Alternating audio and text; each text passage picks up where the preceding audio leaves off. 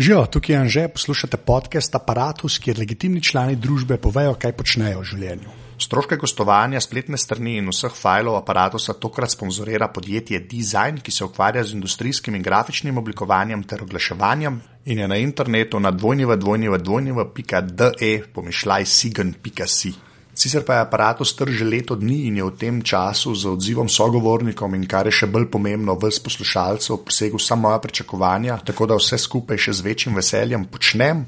Tako da sem tudi na urgiranje nekaterih poslušalcev omogočil, da lahko tudi vi pomagate aparatu direktno, ne, ker sponzorji ne morejo vsega pokriti. Te intervjuje pa pač terjajo svoj cajt in jaz sem samo en model z mikrofonom in računalnikom. Tako da, če bi radi pomagali aparatu, greste lahko na aparatus.si/slash podpri, link bo tudi v vseh postih. In če imate možnosti, pač podprite aparatus, ker bom tako lahko še več truda in cajta vložil v sajt, v intervjuje in v vse ostalo. Tako da, če imate možnost, aparatus.si slash podpri. Hvala. Tole pa je 51. epizoda aparata. Moj gost je Juž Milčinski, ki je improvizator in je del eh, improvizatorskega gledališča Iglu. In Juša ste zihar že kdaj videli nastopati ali na odrskih deskah pač kot improvizatorja, oziroma tudi na TV-ju se doskrat pojav. Zdaj pa naprej začnemo. Še enkrat, če imate šanso, podprite aparatu, se ga da tudi finančno, oziroma lahko daste tudi oceno v iTunes, ker tako še kdo lahko najde ta podcast. Evo, zdaj pa juž. V glavnem, prvo vprašanje, ki je vedno isto, kdo si in kaj počneš. Uh, sem Juž Milčinski, um, improvizator v prvi vrsti, sicer sem pa tudi organizator v kulturi, ampak mislim, da to ljudi ne zanima toliko, ker mogoče ta uh, ukvarjanje z improvizacijo na tak in drugačen način, seveda gledališko improvizacijo, da ne bo pomote, uh, da sem kakšen glasbenik ali kaj tasga. ja, da si mogel takoj. takoj moram povedati, ja, da ne bo, da je nekaj na kitaro zašpili. Ne, ne, to ni moj del. okay, me je bilo, mislim. Tako, jaz sem impro spremljal, pač valjda, tako kot po mojem silu Blančani, čez gimnazijo. Ne, uh, se mi zdi, da v Kudu nas je največ uh, to videlo od blisne. Ampak, kot ti rečeš, da si dejansko improvizator in samo improvizator, ti si tako, pač ne vem, pa še malo stenda, pa zraven, pa nekaj. Ne, ti si prav pač impro, uh, tako, to the bone. Ne. Kaj to pomeni, tep? Ja, to je res. Um, ogromno improvizatorjev se je pol z leti začel ukvarjati z stand-up komiko ali pa so šli v kakšne bolj gledališke vode, uh, dosti jih dela recimo ulično gledališče. Jaz se pa v bistvu umetnosti sicer sem za jadro tudi recimo kaj v gledališke predstave za otroke ali pa za odrasle, ampak v osnovi mi je v bistvu improvizacija najbolj všeč, kar se tiče umetnosti. Um, pri improvizaciji v bistvu, kar mene zelo fascinira, je to, da nimaš vnaprej napisanega scenarija. Ne? To se pravi, da ustvarjaš sprot in si hkrati igralec, scenarist, režiser svojega prizora. Eh, in v bistvu sodeluješ z ostalimi improvizatorji. To se pravi, greš na oder, oba morata biti brez kakršne koli ideje, kako narediti prizor, in potem v bistvu iz tega probaš neki stkat. Ne. Je mogoče tudi en tak adrenalinski šport, to, zato ker si v bistvu pred občinstvom, ki je plačal za to, da uh, se bodo imeli fajn, um, tim pa moš seveda nekaj dati, s tem, da ne veš, kaj točno jim boš dal. No, lepa naprej greva pač čisto na samo to obrtne improvizatorstva. Mal povej tako, za kakšnega, ki tega še ni odblizu, kako izgleda tekma, pa da to sploh je tekma, recimo. Veš, kaj, kakšni so vsi ti sistemi uh, tekmovanja pri improvizatorstvu? Tako čisto en tak one-on-one, veš, če eno mogo razložiti, ki tega še v življenju ni videl. Uh -huh. uh, no, zdaj, um, formatov improvizacijskih je več. Uh, eden izmed njih je tekma. Um, to v bistvu zgleda tako, da imaš uh, dve ekipi improvizatorjev. Od 4 do recimo 6-7 ljudi na odru, uh, enega povezovalca in sodnike. Tako je v bistvu neka taka mešanica gledališča pa športa um, in improvizatorji v bistvu tekmujejo med seboj v igranju improviziranih prizorov. Te imajo neka določena navodila, ne vejo pa seveda, kaj točno bodo improvizirali, ker da vedno občinstvo tisti predlog za to, da se res ve, da je improviziran. Potem pa obe ekipi v bistvu igrate te prizore občinstvo sprot ocenjuje, um, kje ekipa jim je bila bolj všeč, isto naredijo sodniki in na koncu dobimo enega zmagovalca te tekme. Pol pa seveda ekipa, ki zbere največ zmag v eni sezoni, postane prvak in prolige uh, in pač dobi to čast in slavo. Zdaj so pa seveda pol tudi uh, drugi formati, uh, ki mi rečemo long formi oziroma daljši improvizacijski formati, ki pa sploh ni nujno, da so tekmovalni. Ne? To je lahko v bistvu celovečerna improvizirana predstava, ki mogoče vzame samo en predlog od občinstva in traja recimo uro, uro 15, uro pa pol uh, in je popolnoma improvizirana. To se pravi tako, da bi šel recimo v gledališče, samo do resnici so se ti improvizatori pripravljali na nek drug način. Niso se učili teksta, ampak so v bistvu vadili neke improvizacijske strukture ali pa strukture zgodbe, zato da so lahko pa končno naredili eno zgodbo, ki je bila občinstvu všeč. No, no, in glih, evo, glih ta del lepo sto napelov. Kaj, koliko je te obrti? Veš to, kar reče, da se drugače učiš, ker tam imaš pač v klasičnem gledališču imaš scenarij, ne, se ga je treba naučiti, pa režiser pove svoje in se pol to odigra. Kaj, kaj, kaj pa kle delaš za pripravo? Za pripravo eh, mladi improvizatori predvsem začnejo delati zelo veliko na asociativnosti. To se pravi, da skušajo pobrati asociacije, tako besedne, kot uh, gibalne, zvokovne in tako naprej, zato da jim začnejo možgani pravzaprav razmišljati v tej smeri, da aha, uh, dobil sem nek predlog, moram razmišljati, kaj lahko s tem predlogom naredim, kako lahko igram en prizor. Potem se pa ogromno dela na spontani zgodbi, to se pravi, da se v bistvu postavi struktura zgodbe, kako naj bi ena zgodba izgledala. In bolj, ko dobiš to zavest, lažje je v bistvu potem igrati prizore. Ne? Ker igrani prizori no, napram eni improvizirani zgodbi niso nič drugega, uh, kot to, da to zgodbo zdaj posta, postavimo na odr, pa jo seveda tudi, tudi igramo. To se pravi, da jo ne bomo samo povedali.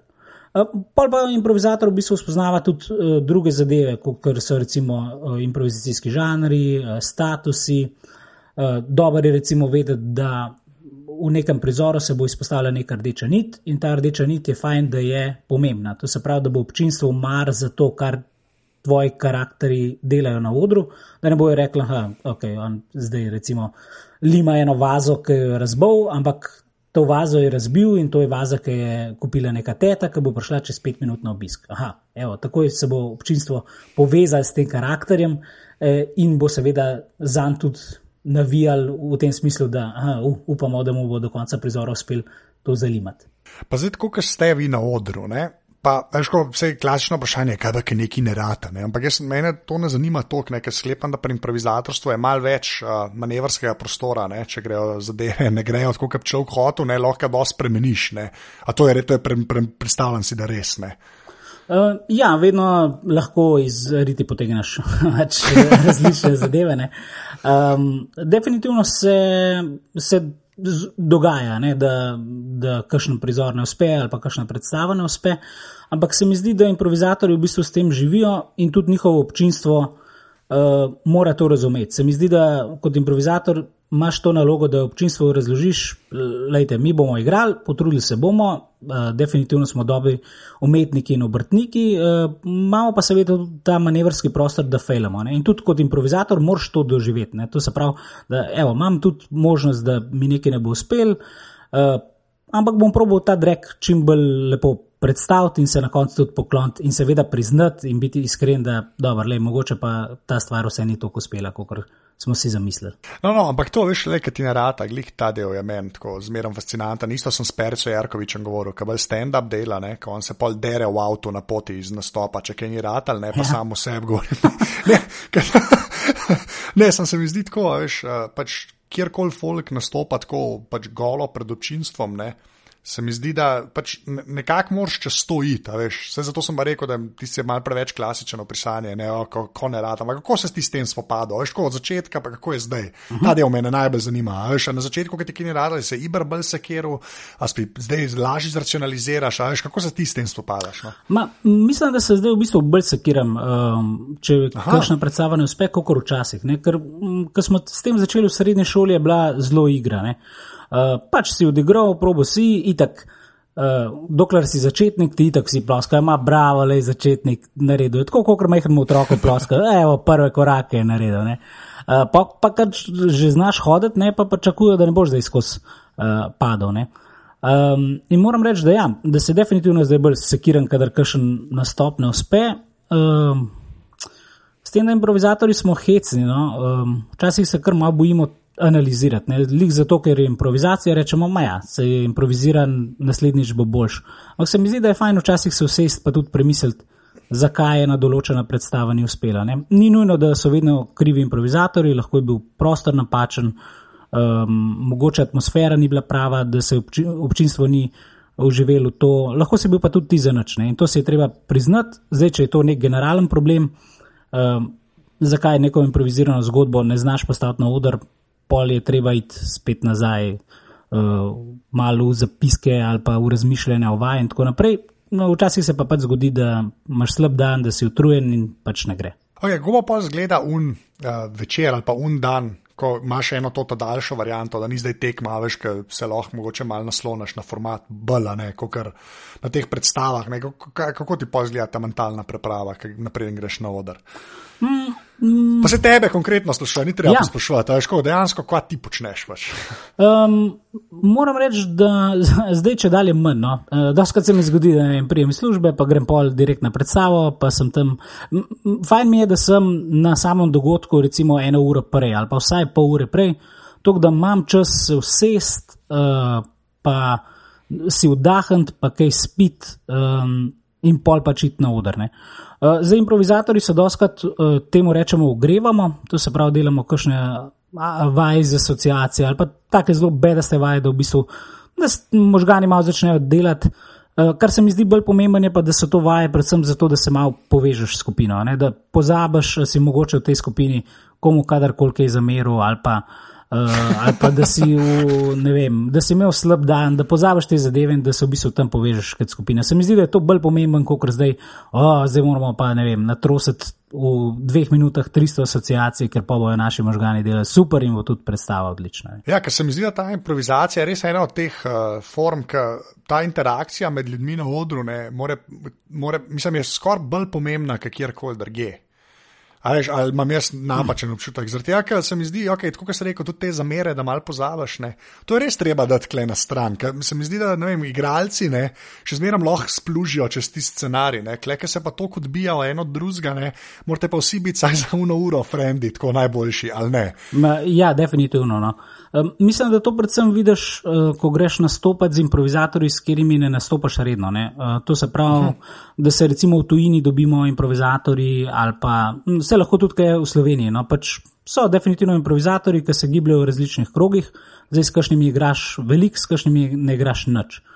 Uh, in se mi zdi, da je bolj to, koliko ta tvoj soimprovizator pozna podobne tehnike, da je bolj pomemben, da se ti s tem človekom ujamaš. Ker bolj, ko boš odprt do njega, lažje boš delal ene stvari, uh, bolj boš v prizoru, bolj boš skoncentriran in tudi ne boš toliko bom rekel, pazil na njega. Ker to se doskrat zgodi, ko gledam, kadar se recimo ena mednarodna skupina improvizatorjev um, dobi, da smo vsi zelo pazljivi ne? in pustimo vsakmu malo prostora, da bo povedal svoje. Um, ampak pol v bistvu, ker smo vsi tok tega navajeni, pustimo drug drugemu vsi prostor in pol na koncu je kar enkrat en vakum vmes, ker se nič ne dogaja. Um, tako da ja, ta povezanost je z improvizatorji je definitivno uh, ključnega pomena, no, se mi zdi za dobro predstavo. Še sem se hotel vprašati, ne, pač ta razmerje med komedijo in pa dramo, ne, saj tako resnostjo ne, ali pa komedijo, pa improvizaciji. Je pač, kle, komedija je nekako DNK-ju, ne, improvizacija. Bi težko ali, ali ne, ker jaz sem zmeram, jaz vse, kar sem imel stika, ne, so bile več ali manj smešne zadeve. Uh mhm. -huh. Ampak pol slišiš, da kdaj pa tudi to čist. Uh, tako dramo naredijo, ne? pa improvizirajo. Ampak kakšen misliš, da je ta razmerje, ali pa saj prnus kakšen je? No, paleta definitivno je lih tako široka, kot v klasičnem gledališču. Um, so pa definitivno, bom rekel, 85-90% predstav uh, so orientirane na komedijo. Ne? Mislim, da je že narava improvizacije taka, da v bistvu s to svojo spontanostjo občinstvo preseneča uh, in da jim je to pač v tem smislu tudi zelo všeč. Ne? Ker pač komedija ni nič drugega kot to, da imamo pač neko točko oziroma pač neko pot, ki jo nakažemo iz točke A v B, ampak pa v bistvu spontano zavijamo nekam drugam in to je ljudem všeč in takrat se sprostijo in nasmejo. Ne? In pri improvizaciji je s to spontanostjo tega še veliko več, kot mogoče v kakšnih drugih žanrih. Um, je pa tako, da se delajo tudi definitivno improvizirane drame. Um, zelo je rado trend v svetovni improvizaciji to, da vzamejo enega avtorja, pa delajo potem um, en približek temu avtorju. Ne. Recimo, jaz sem bil na festivalu v Berlinu ene dve, tri leta nazaj, kjer se je delal švedskega dramatika Strindberga, ki ima absolutno samo depresivne stvari. No, ima resne te družinske odnose. Um, zelo, sicer je mečkam humorja noter, ampak je zelo pač skandinavski, črn, ciničen. Um, In, eh, in so bile predstave, ki smo jih delali, in jih um, in jih tudi potem um, gledali, so bile v bistvu narejene zelo resno. Um, V tem smislu. Ne. Ali pa recimo Tennessee Williams se je isto na istem festivalu delal in se je delal po principu te steklene menažerije, in, in je bila resna scena.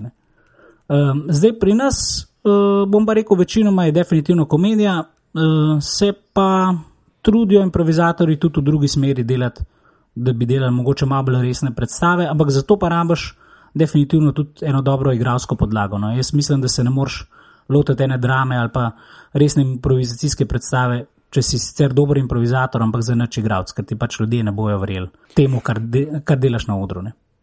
No, se pa, kaj pa je pa razlika tako med igralcem in improvizatorjem? A veš, kaj, kaj, kaj skill set ne, je, je tam tam, ne? mislim, tako daleč te dve vloge spet nista, ne? ampak kaj je pol ta razlika? Ja, skill set mislim, da v osnovi bi mogel biti podoben. Uh, improvizatori bi morali imeti uh, veščine igralcev in igravci bi morali imeti veščine improvizatorjev. Ampak moram reči, da v večini primerov, vsaj pri nas, temu ni tako. Ne? Večina improvizatorjev um, so pri nas, bom rekel, niti ni šla v kakšen gledališki klas, um, ali pa mogoče so naredili kakšen zelo tak basic training, kakšnega gibalstva ali pa klovnostva ali pa kaj tasga in se včasih to poznane. So izvrstni iz, izdelovalci zgodb, dobro reagirajo, ampak ko je treba pa kaj malo bolj udarnega odigrati, pa hitro zmanjkane. Medtem ko igravci pri nas, kolikor sem imel občutek, se pa improvizacije zelo bojijo. Ne? Oni imajo ja. pač, aha, jaz moram začutiti to vlogo, moram se ji posvetiti. Uh, in smo že sodelovali z igravci, kar, kar ene parimi, so se pa na odru super izkazali, ne? seveda zato, ker so improvizatori uh, uh, tudi znali paziti na njih in so jim dali ravno dosto prostora za to, da, da so izpadli v redu. Ampak so, pa, so imeli pa ogromno tremene uh, pri tem, ker kar nekaj so mogli si sami izmisliti tekst, ni bilo samo, da čutim to vlogo in jo bom odigral. Medtem ko v tujini je pa. Doskrat tako, da so recimo improvizatori najprej igravci, grejo čez celo šolo, potem se pa v bistvu odločijo, da bi pa poskušali še z gledališko improvizacijo. In ta kombinacija je zelo uspešna. Si hkrati improvizator in znaš tudi dobro odigrati vloge, ne sam jih povedati. No, pa zdaj, ki si že tujino omenil, zdaj, ko kar jaz poznam, ne, pa to je res bolj mal, je pač ta Second City v Chicagu, ne, je neka znana improvizatorska zadeva, sklepam, da je tudi tako, tam pač tudi vi kaj črpate, ali pa tudi ne, to šti povedo, ne, pa neki kanačani obstajajo, ki tudi vejo, kaj delajo. Ne. A to imam bolj prav ali bolj ne? Ali? uh, je, definitivno je Second City najbolj znana uh, improvizacijska industrija, bom rekel. Ne?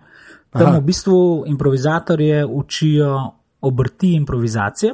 Uh, je pa res, da se mi zdi, da tja ne grejo ljudje, ki bi radi bili v življenju improvizatorji, ne amaterski, ne profesionalni, ampak bi radi dobili nek skill set, ki jim bo potem pomagal za naprej. Ne? To so ljudje, ki bi mhm. radi konec koncev delali na televiziji oziroma prišli v Hollywood. To se pravi, da, da znajo improvizirati, da se znajo znajti, da bojo mogoče scenaristi, da bojo mogoče igralci. Um, ni pa definitivno njihova glavna uh, želja ta, da bi postali improvizatori. In to se v Ameriki kar doskrat poznano. Je sicer kar nekaj kakovostnih improvizacijskih gledališč, ki delajo izključno na improvizaciji, je pa dosto takih, ki v bistvu ponujajo klase, pa, ki seveda imajo tudi svoje predstave, no, ampak v bistvu njihova glavna uh, panoga so te klasi, ki učijo ljudi, kako improviz improvizacijo iz gledališča prenesti potem v neke druge žanre.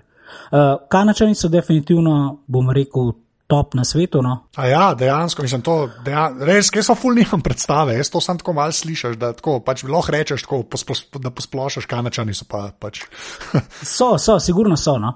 Um, Oni se ogromno z improvizacijo ukvarjajo tudi v tem smislu, da, da grejo res tisti ljudje, ki jih zanima improvizacija, se učiti improvizacija in potem tudi igrajo improvizacijo. Ne. In imajo tudi Orang festivale v Edmontonu, v Torontu. Mi smo skoraj vsako leto tukaj gostili dvojci iz Winnipega, uh, Krams. Uh, in imajo tudi v Winnipegu zelo dobro improsceno, vse tja do zahodne obale. No.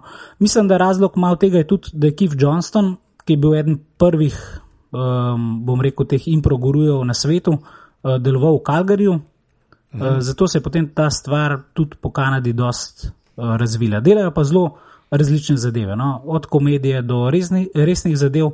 Um, ampak imajo, se mi zdi, eno boljših improvizatorskih šol, ki je potem prišla tudi v Evropo. No? Tako da včasih se celo pozna, da mogoče malo preveč igramo njihov stil, ne pa enega, bom rekel, da bi se prav razvil nek evropski.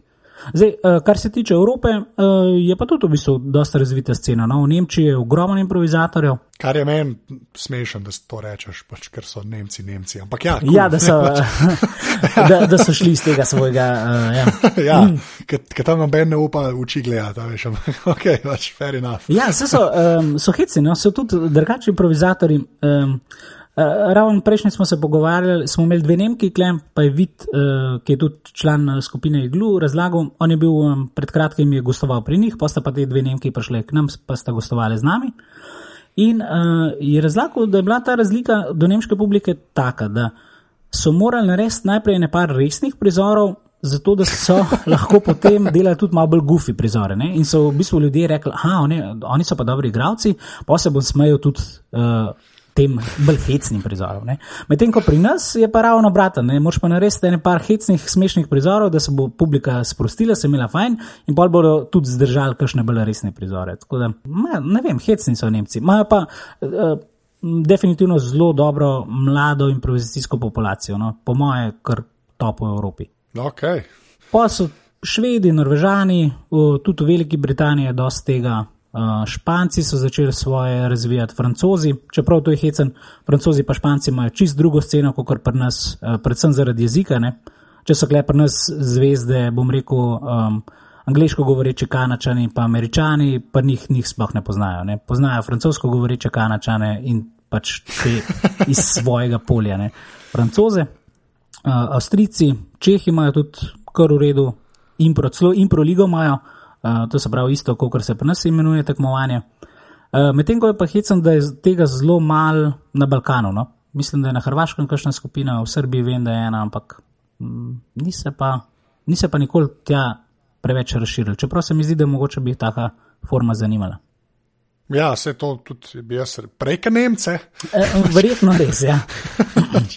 Prej bi za Balkan rekel, kot za Nemce.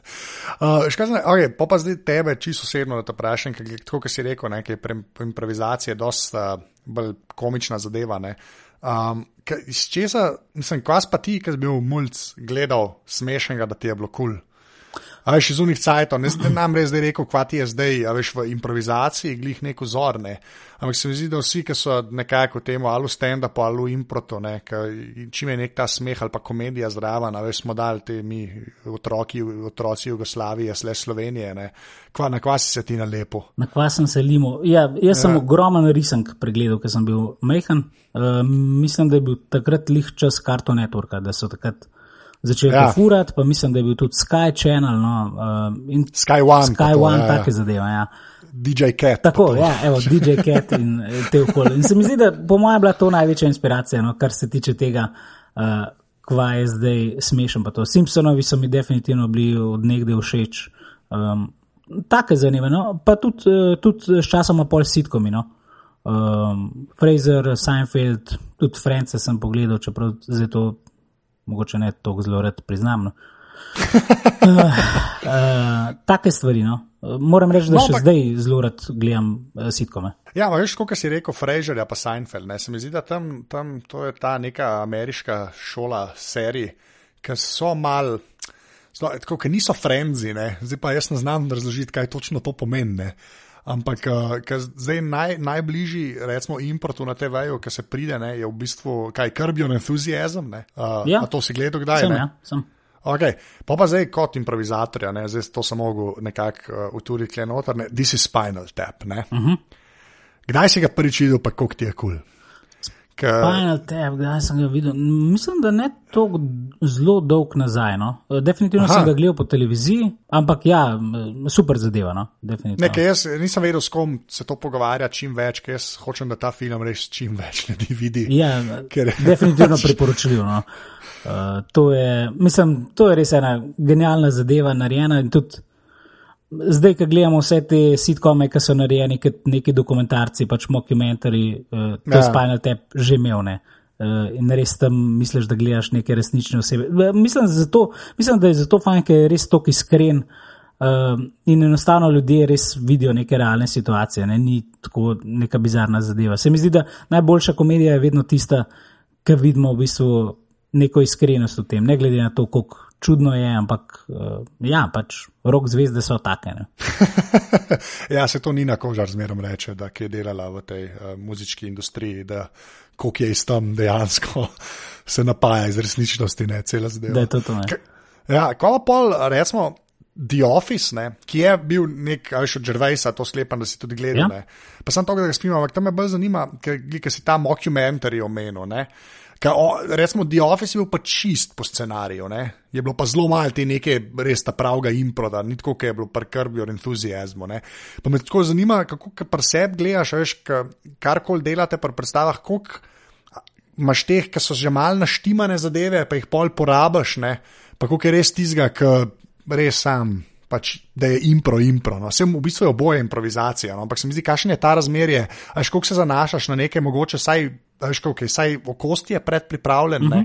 oziroma koliko je tega, ki je res tako, zdaj sem pa tam in čez dve sekunde se bo nekaj zgodil. Pač. Pa to že spet tebe sprašujem, veš, tako, da, da naš misel je zdaj, da moraš za vse povedati, ja, pač, ja. kako ti to delaš. Mm, Čisto iz mojih osebnih izkušenj moram reči, da. Manj, ki si pripravljen, boljši je. Pri, pri improvizaciji mislim, da občinstvo zelo hitro skuša, vsaj to občinstvo, ki je, bom rekel, redno na, na impro predstavah, kdaj je bila ena zadeva vnaprej pripravljena. Pa ni nujno, da je to pripravljena, da danes sem pa gledal klejeno foro, pa bom jo pol zvečer uporabil, ampak lahko se jo dve sekundi, preden si šel na oder, si zamislil ne? in boš šel gor, jo probo sprovest, uh, ampak ne boš le skos. No? Uh, definitivno občinstvo bolj tripa na zadeve, za katere res vidijo, da so bile kar naenkrat potegnjene nekje iz dna hrbtenice in dane ven.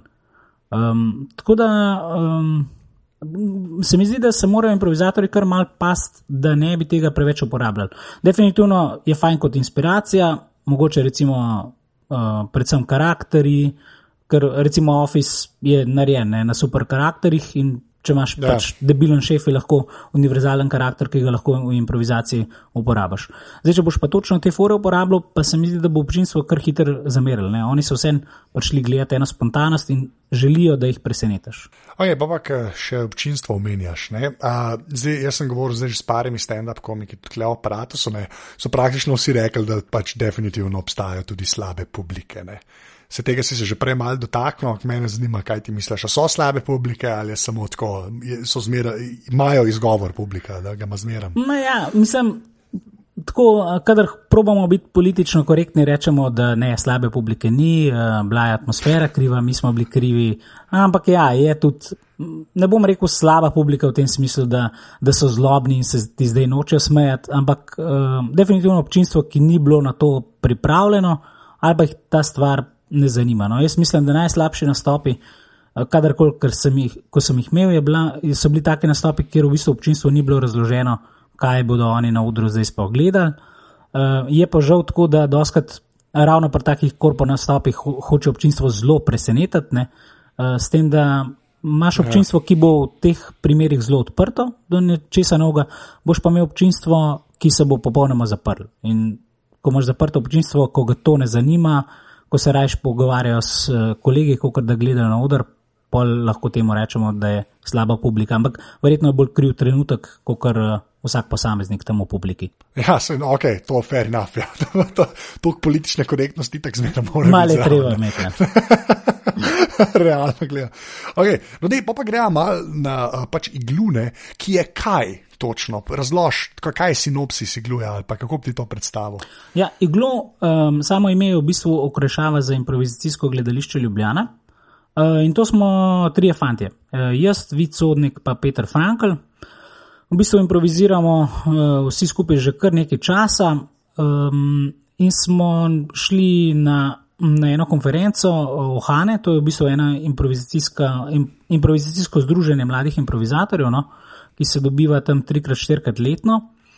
In smo tam dobili idejo, da mogoče bi pa mi trije radi eh, skupaj delali malo več. To se pravi, da eh, ne bi samo igrali v improligi, da ne bi imeli vsak svojih improprojektov, ampak da rečemo, da mi trije smo grupa, da imamo res različne improvizacijske predstave, da imamo jih delati z našimi tujimi improprijatelji uh, in probati to razvijati čim bolj profesionalno. To se pravi, da, da si pač zastavimo neke zadeve, da imamo redne vaje uh, in da hkrati, delam, uh, hkrati s tem delamo tudi kaj drugega, kot je recimo ta naš podcast. In res, takrat smo se vozili, mislim, da je bilo to enkrat marca, aprila.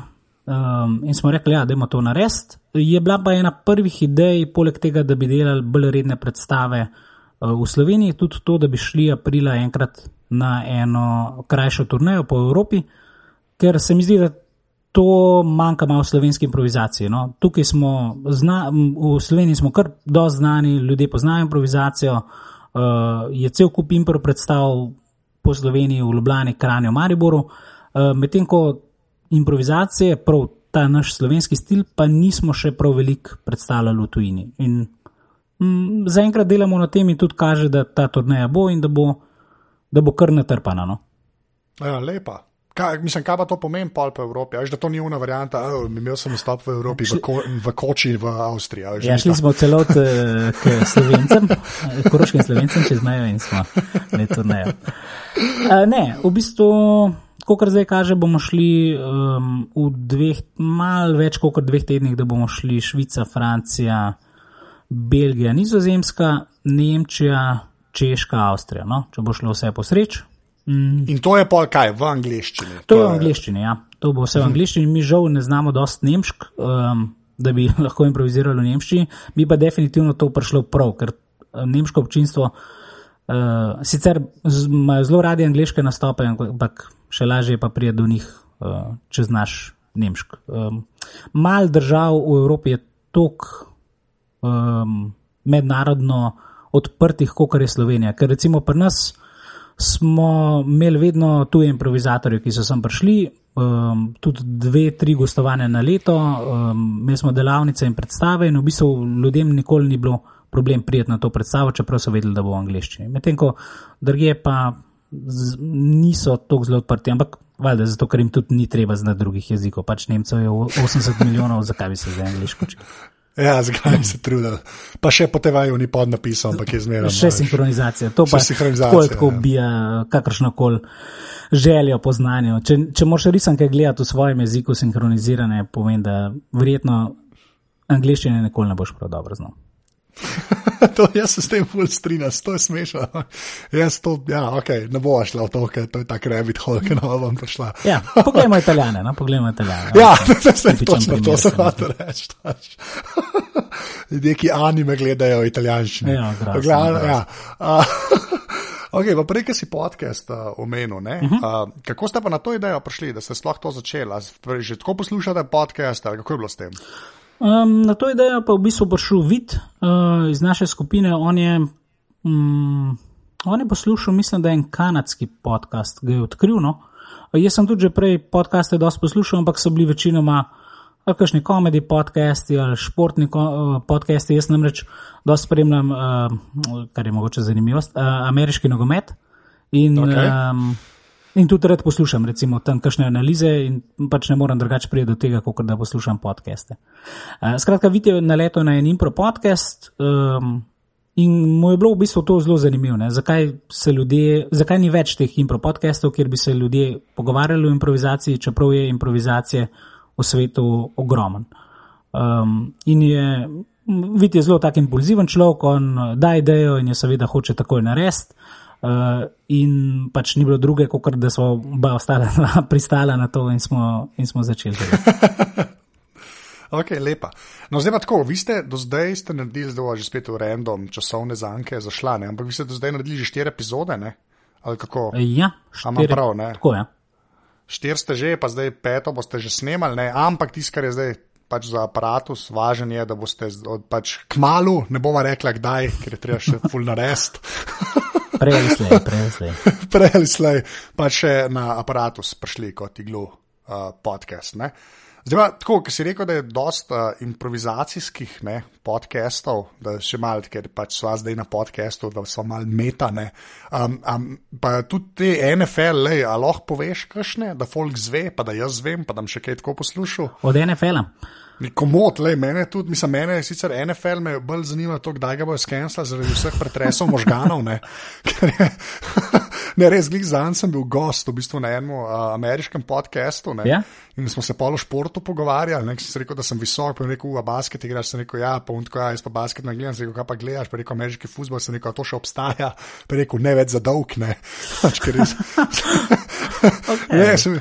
Ne, ne, to imajo tako, zdaj imajo reže strah pred tem, ne, ker vse te uh, raziskave vam prahajajo, da so oni vsi pa brain damage, ne, ker imajo pro karijere. Ne, in je zdaj že oranž panika. Oranž je zdaj počal. začel, ja. Mislim, te ljudje, ki so začeli takrat igrati profesionalno, so zdaj stari ne, in se vidi, koliko so v bistvu dosti drugačni, kot uh, vsi ja. ostali ljudje v tej starosti in je definitivno je nevaren šport. Ja. No, in zdaj, ko se predstavlja ta navaren šport, povej par uh, podcastov. uh, definitivno priporočam uh, Football Today od ESPN-a. Uh, ta, oni v bistvu naredijo nek tak pregled tekem, vedno tudi rangirajo ekipe, tako da veš, kje je ekipa trenutno je vroča, kje ni. To je mogoče za tiste, ki delajo stave, malo bolj pomemben. Um, potem en del futbola omenja tudi Pardon the Interruption, ampak odvisno. No? Če je NBA sezona, pa se mi zdi, da se bolj na basket uh, fokusirajo. Potem so pa te podcasti na, um, iz NFL.com, no? predvsem Rich Eisen podcast, ki je v bistvu zanimiv, ker ni tako vezan na ameriški futbol, kot ima on tudi v bistvu zanimive goste iz pop sveta. Seveda jih tudi vpraša, za katero ekipo pa ti navijaš, zato pa to, ker je moj oče, a, bi mogoče napovedal naslednje tekme in pol napovejo naslednje tekme. Aha, okay. Um, to, uh, Dave Demešek ima tudi eh, na NFL.com en zelo dober um, podcast, ki je v bistvu tako, malo komedij, on, on je tam nek tak, bom rekel, na tem njihovem networku, dežurni pa vliha, ne pač dela malo bolj štose, ampak tudi zelo kvalitetno in tudi vedno pregledajo, v bistvu ne povejo točno rezultate, ki se jim zdijo, da bojo v prihodnosti. Ne. To, uh, potem pa, kar redno poslušam, je še uh, eh, PFW in Progress, to je pa v bistvu podcast um, ekipe New England Patriots, uh, katere fan sem.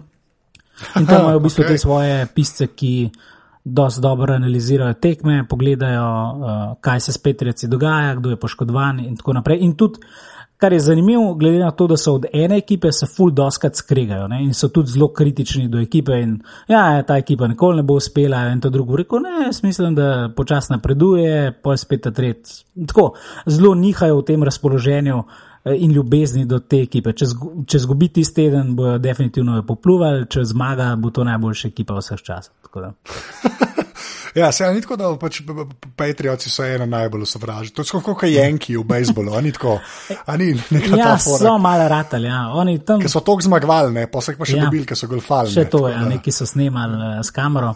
Uh, tam okoli leta 2001 so oni uh, res dobri ratali, no, s tem novim trenerjem. Um, in takrat je bilo ravno potem 9-11 in še oni imajo ime Patriots in je bilo vsi, in imeli so enega quarterbacka. Eh, ki je bil zelo mlad in ta ekipa je bila taka, malo so bili pač underdogi ne, in so jih imeli vsi radi. Ne. Pa pa so začeli malo zmagovati, pa so jih dobili, da so snemali in pa je prišla sezona 2007, ko so bili nepremagani do Super Bowla in so se ljudje obrnili proti njih. Tako da je, mečkaj so en Real Madrid pa... ameriškega nogometa. No, Realno, lep, to lepš ne mogu reči.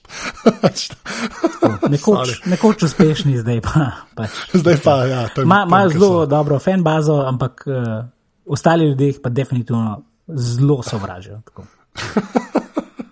Ok, lepa. No, ono vre, da se o Patriotih pogovarjam, ja. meni to super, meni to super, drugače, nisem vedel, da bo sem zašla. ok, da se povalo greva na, na tvojo uh, strojno uh, in programsko opremo. Ja. Uh, po začela strojno, povej, ajde, računalnik, telefon, tablica, kaj imaš? Uh, imam en računalnik, enega iMac-a, hmm, letnik 2011. Um, ja, do, to je še dosti frišen. Je kar v redu, ja. Uh, naložene imam Mavericks, kar mi je v začetku mal predstavljalo težave. Imam namreč eno Akajevo AI Pro uh, zvočno kartico in seveda, kaj je znan po tem, kar so me tudi, ko sem kupil, upozorili. Da ni zelo žuren s svojimi driverji. In glej, no, glej, ja. uh, Mavericksi so zdaj tukaj že več kot en mesec in še vedno nimajo driverjev za to kartico. Uh, so pa na njihovem forumu ponudili en obvoz, ki ga lahko zdaj uporabljam. Tako da uh, pač nekaj moraš klikati na driver in pol nekaj najdete, in, in pač lahko, bom rekel, uporabljaš v 60% tega, kar ta kartica ima. Odlično. bi lahko priporočil kartico, če bi vedel, kako dela na polno, ampak zaenkrat ne vem, kako dela na polno. Super. To. Okay, kaj ima telefon, pa Ja. pač ta. Telefon imam iPhone, mislim, da 4S. Okay. To mi je všeč, da si rekel, mislim, da Mislim, 4S. da pa ne. 4S. Vidim, da se s tem ful obremenjuješ. Ja, ne vem, Zdaj ni bilo nobene druge črke, pa 4 se mi zdi. Bolj pa je. Definitivno je 4, pa ena črka zraven. Tako, no. Okay, ja, se je 4S pol, ja. Uh, to, uh, uporabljam še en laptop, ki je tudi uh, MacBook Pro, mislim, da je letnik 2011, isto en 13-inčen. Uh, tablico, tablico pa imam nekje v enem predalu. uh, je pa ta štos, da je to neka Samsungova Ativ. Uh, A ti v tebi imaš? ja, Ativ tem, ja, tako je. A to je za Vinci pol? ali? To so Windowsi, Pa prav te RT. RT, ja, tako. Oj, oj, to Uh, pa nisem kupil, nisem kupil, Aha, okej, ne bo kdo okej. mislil. Uh, lansko leto sem namreč uh, sodeloval z enimi študenti iz, um, iz Frija, no, ki so šli v bistvu na to Microsoftovo tekmovanje uh, Imagine Cup. To je v bistvu tekmovanje Ja, ja, aha. programerjev, ki iščejo neke rešitve za boljši svet. Jaz sem jim delal predstavitev, tako smo bili kar dobra kompanija. No. Uh, in smo seveda za nagrade, ker smo šli, mislim, prva nagrada, ki smo zmagali v Sloveniji, je bila to, seveda, da smo šli na svetovno tekmovanje polo Avstralijo. Ampak hkrati nam je pa pol Microsoft navrgel še cel kup uh, telefonov in tudi eno to tablico. No. Takrat dol v Avstraliji so nam, um, so nam obljubili, kako so že rekli. Uh, you will get a machine that has Windows 8. In pol, mislim, da se je vsaka lokalna uh, Microsoftova izpostava odločila, kaj bojo dali, nam so dali pač tega Samsunga. Okay.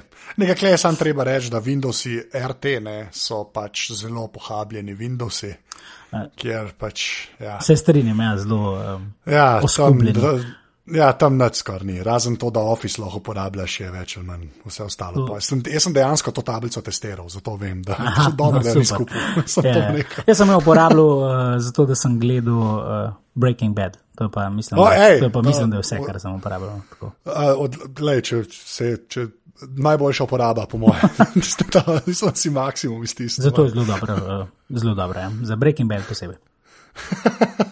Oj, kaj pa pol uh, software, pa ti tako rekel, le une, une na, na telefonu, ki jih uh, res, res, res uporabljaš, kjer so to app. Mm, da mečkam pogledam. Mm. Kar daj, kar daj. Mislim, da 9gag po mojem največ uporabljam. Zelo rad zaspim ob tem, tako da Aha, pač malo okej. gledam, pa brskam. Uh, od RTV-ja doskrat uporabljam app, um, pa imam pa kar nekaj teh glasbenih appov. Um, uh, GarageBand vsake tok časa se ga malo lotam, uh, ClearTune uporabljam za oglaševanje kitare, pa tudi metronom smo v bistvu nekaj uporabljali celo na naših improvajah. No. Mene je namreč nekaj vmes prijel. Doskrat se pri kakšni impro predstavi namreč zgodi, da začeten prizor ali pa prvi trije prizori naredijo nekak ton celotne predstave. Ne. To se pravi, da je predstava ima pol podobno dolge prizore, podobna, ne bom rekel tematika, ampak mogoče atmosfera. Ne. Uh, in sem pa razmišljal, kako v bistvu to razbiti. In smo tako v bistvu delali prizore, da smo imeli metronom zadaj in za vsak prizor smo uh, pač spremenili beats per minute. In, pol, in se Aha, je kar okej. hitro poznalo. No. Če je bil, uh, če je bil tempo hitrejši, je bila tudi, bom rekel, je bil prizor tako malo bolj živ, če je bil tempo počasen, je bil mogoče malo bolj morast in tako naprej. Tako da, No, lepa. Ja, se si predstavljam, da če ti v zadnji kuca nekaj, ne hitreje ali pa počasneje, da vpliva na te. Ne, da šibane. Uh, Um, Skype definitivno uporabljam, uh, Povijo, YouTube, mm, bam, bam, bam. vsake to časa impresioniram folk s tem uh, Starviewerjem, na kaj je. ja, to zadnje je. Ja. Ej, le, Zvezde, Oh, lepo. Uh, Tošel, Ja, Tošel, odlično. definitivno. Kar se igrc tiče, pa mislim, da zadnje čase sem večinoma igral Dots, pa Badland. Ja. Badland sem tudi malo igral. Uh, pa Tesla to imam, to mi je tudi zabavno. Mislim, da tako, če kakšen otrok okolj, mu malo pokažem ta Tesla, to je ena, vekle, pa se malo gre za ene purce. Uh, to pa tudi za navigacijo ga uporabljam. No. Imam sicer en uh, GPS, malo starejši za avto, ampak je ta um, Sigic um, ja, Sigic zelo uporabna zadeva. No. Ja, mislim, da pri nas sploh tako da.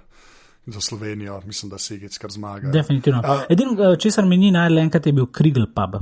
Tako da, če okay. noče imeti uh, teh pijanskih zadev noter, ne, ne, ne boš pil. To je taka random informacija. To če, veste, no? če boste slučajno ja. Krigl pub iskat, uh, iskali nekaj sigicem. ja, raj Google Maps ali yes. pa Apple Maps. Uh, kaj pa za, za brat imaš kaj? Tako, jaz sem čakal, da še kakšnega Kindle ali pa saj tako neko. Imam, uh, ja, ja, imam Kindle, ja, to sem pa pozabil. ne vem, zakaj sem vedel, da boš to imel. Ja, ja. ja, Kindle imam, ja. Um, moram reči, da ga kar vsake toliko časa malo zanemarim, no? pa ne vem zakaj. Um, imam kar dobro kolekcijo knjig gor.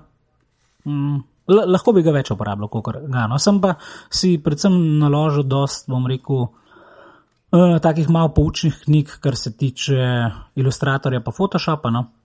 Aha, ok. Zelo korlušteno, da sprobavaš. Zelo, zelo na amaterski ravni, ampak da vidiš, da oh, tako je pa precej lažje, kot to, kar sem jaz delal. Recimo. Pa ne rabiš pa pol ure za eno stvar, ampak tri sekunde. Ja, se sploh pri Photoshopu se to z, tako zelo, zelo hitro zgodi. Občudujem da. ljudi, ja, ki imajo ja, vejo, vse v glavi, medtem ko moš ti brskati gor, pa help tipkati, ah, kje je ta action, oh, ne vem. Ja, meni je najslabše, ker sem enkrat nekaj že naredil, pa pa mine ta dva tedna, pa grem še isto stvar še enkrat delati, pa, je, pa si nič nisem zapomnil in pa je cela ta krimunja. pa pa še enkrat, ne? Ja. ja, še enkrat, pa se pa tako na koncu, a se to bi pa lahko vedel. Eh. To bi pa v bistvu lahko vedel. Ok, lej, pa pa še to zadnje vprašanje, ne? Uh, ki je tudi vedno isto. Uh -huh. uh, ena fizična stvar, ki ni človek, tako da ne rečeš tvoj dedek, uh, ki je naredila vtis na tvoje življenje, ti znamovala, jo lahko še imaš, lahko jo nimaš več, tako kaj bi tako izpostavil. Fizična stvar, ki ni človek. Ja, nekaj, kar lahko roke primaš. En predmet, ne. Ja. ja. ja. Uh, kaj bi me pa tako zaznamoval? Uh, Hvala. Uh. Mogoče, s to malo bo hecno slišal, no? zelo kašen materialist je temeljčinski, ampak uh, se mi zdi, da je avto. No? Uh, avto, lepo. Ko sem kupil avto, sem precej uh, stil življenja zamenil, kot sem ga imel prej. No? Prej sem se tako, imel sem bicikl, ful sem se gibal s tem biciklom, z njim sem hodil v šolo, ker sem imel recimo 10 minut z biciklom do šole. Um, in pol, pač, ko sem začel v Ljubljana hoditi, takrat sem šel v Verdo, živel v Vrhenki, uh, sem hodil z busom in tako naprej. Ne. Ampak v enem trenutku je ta vožnja z busom, dokler sem hodil do gimnazije Vič, je bilo super, ker je pač to trajalo pol ure. Pa, ko sem začel hoditi na FDV, je to trajalo uro deset in pač ni bilo druge, kada si kupom avto. Ne. In pol. Um, Tako, ne vem, se mi zdi, kar nekaj je drugačen urnik, uh, malo kasneje lahko ostaneš, malo mal se pol malo zamudiš, malo šibaš po cesti.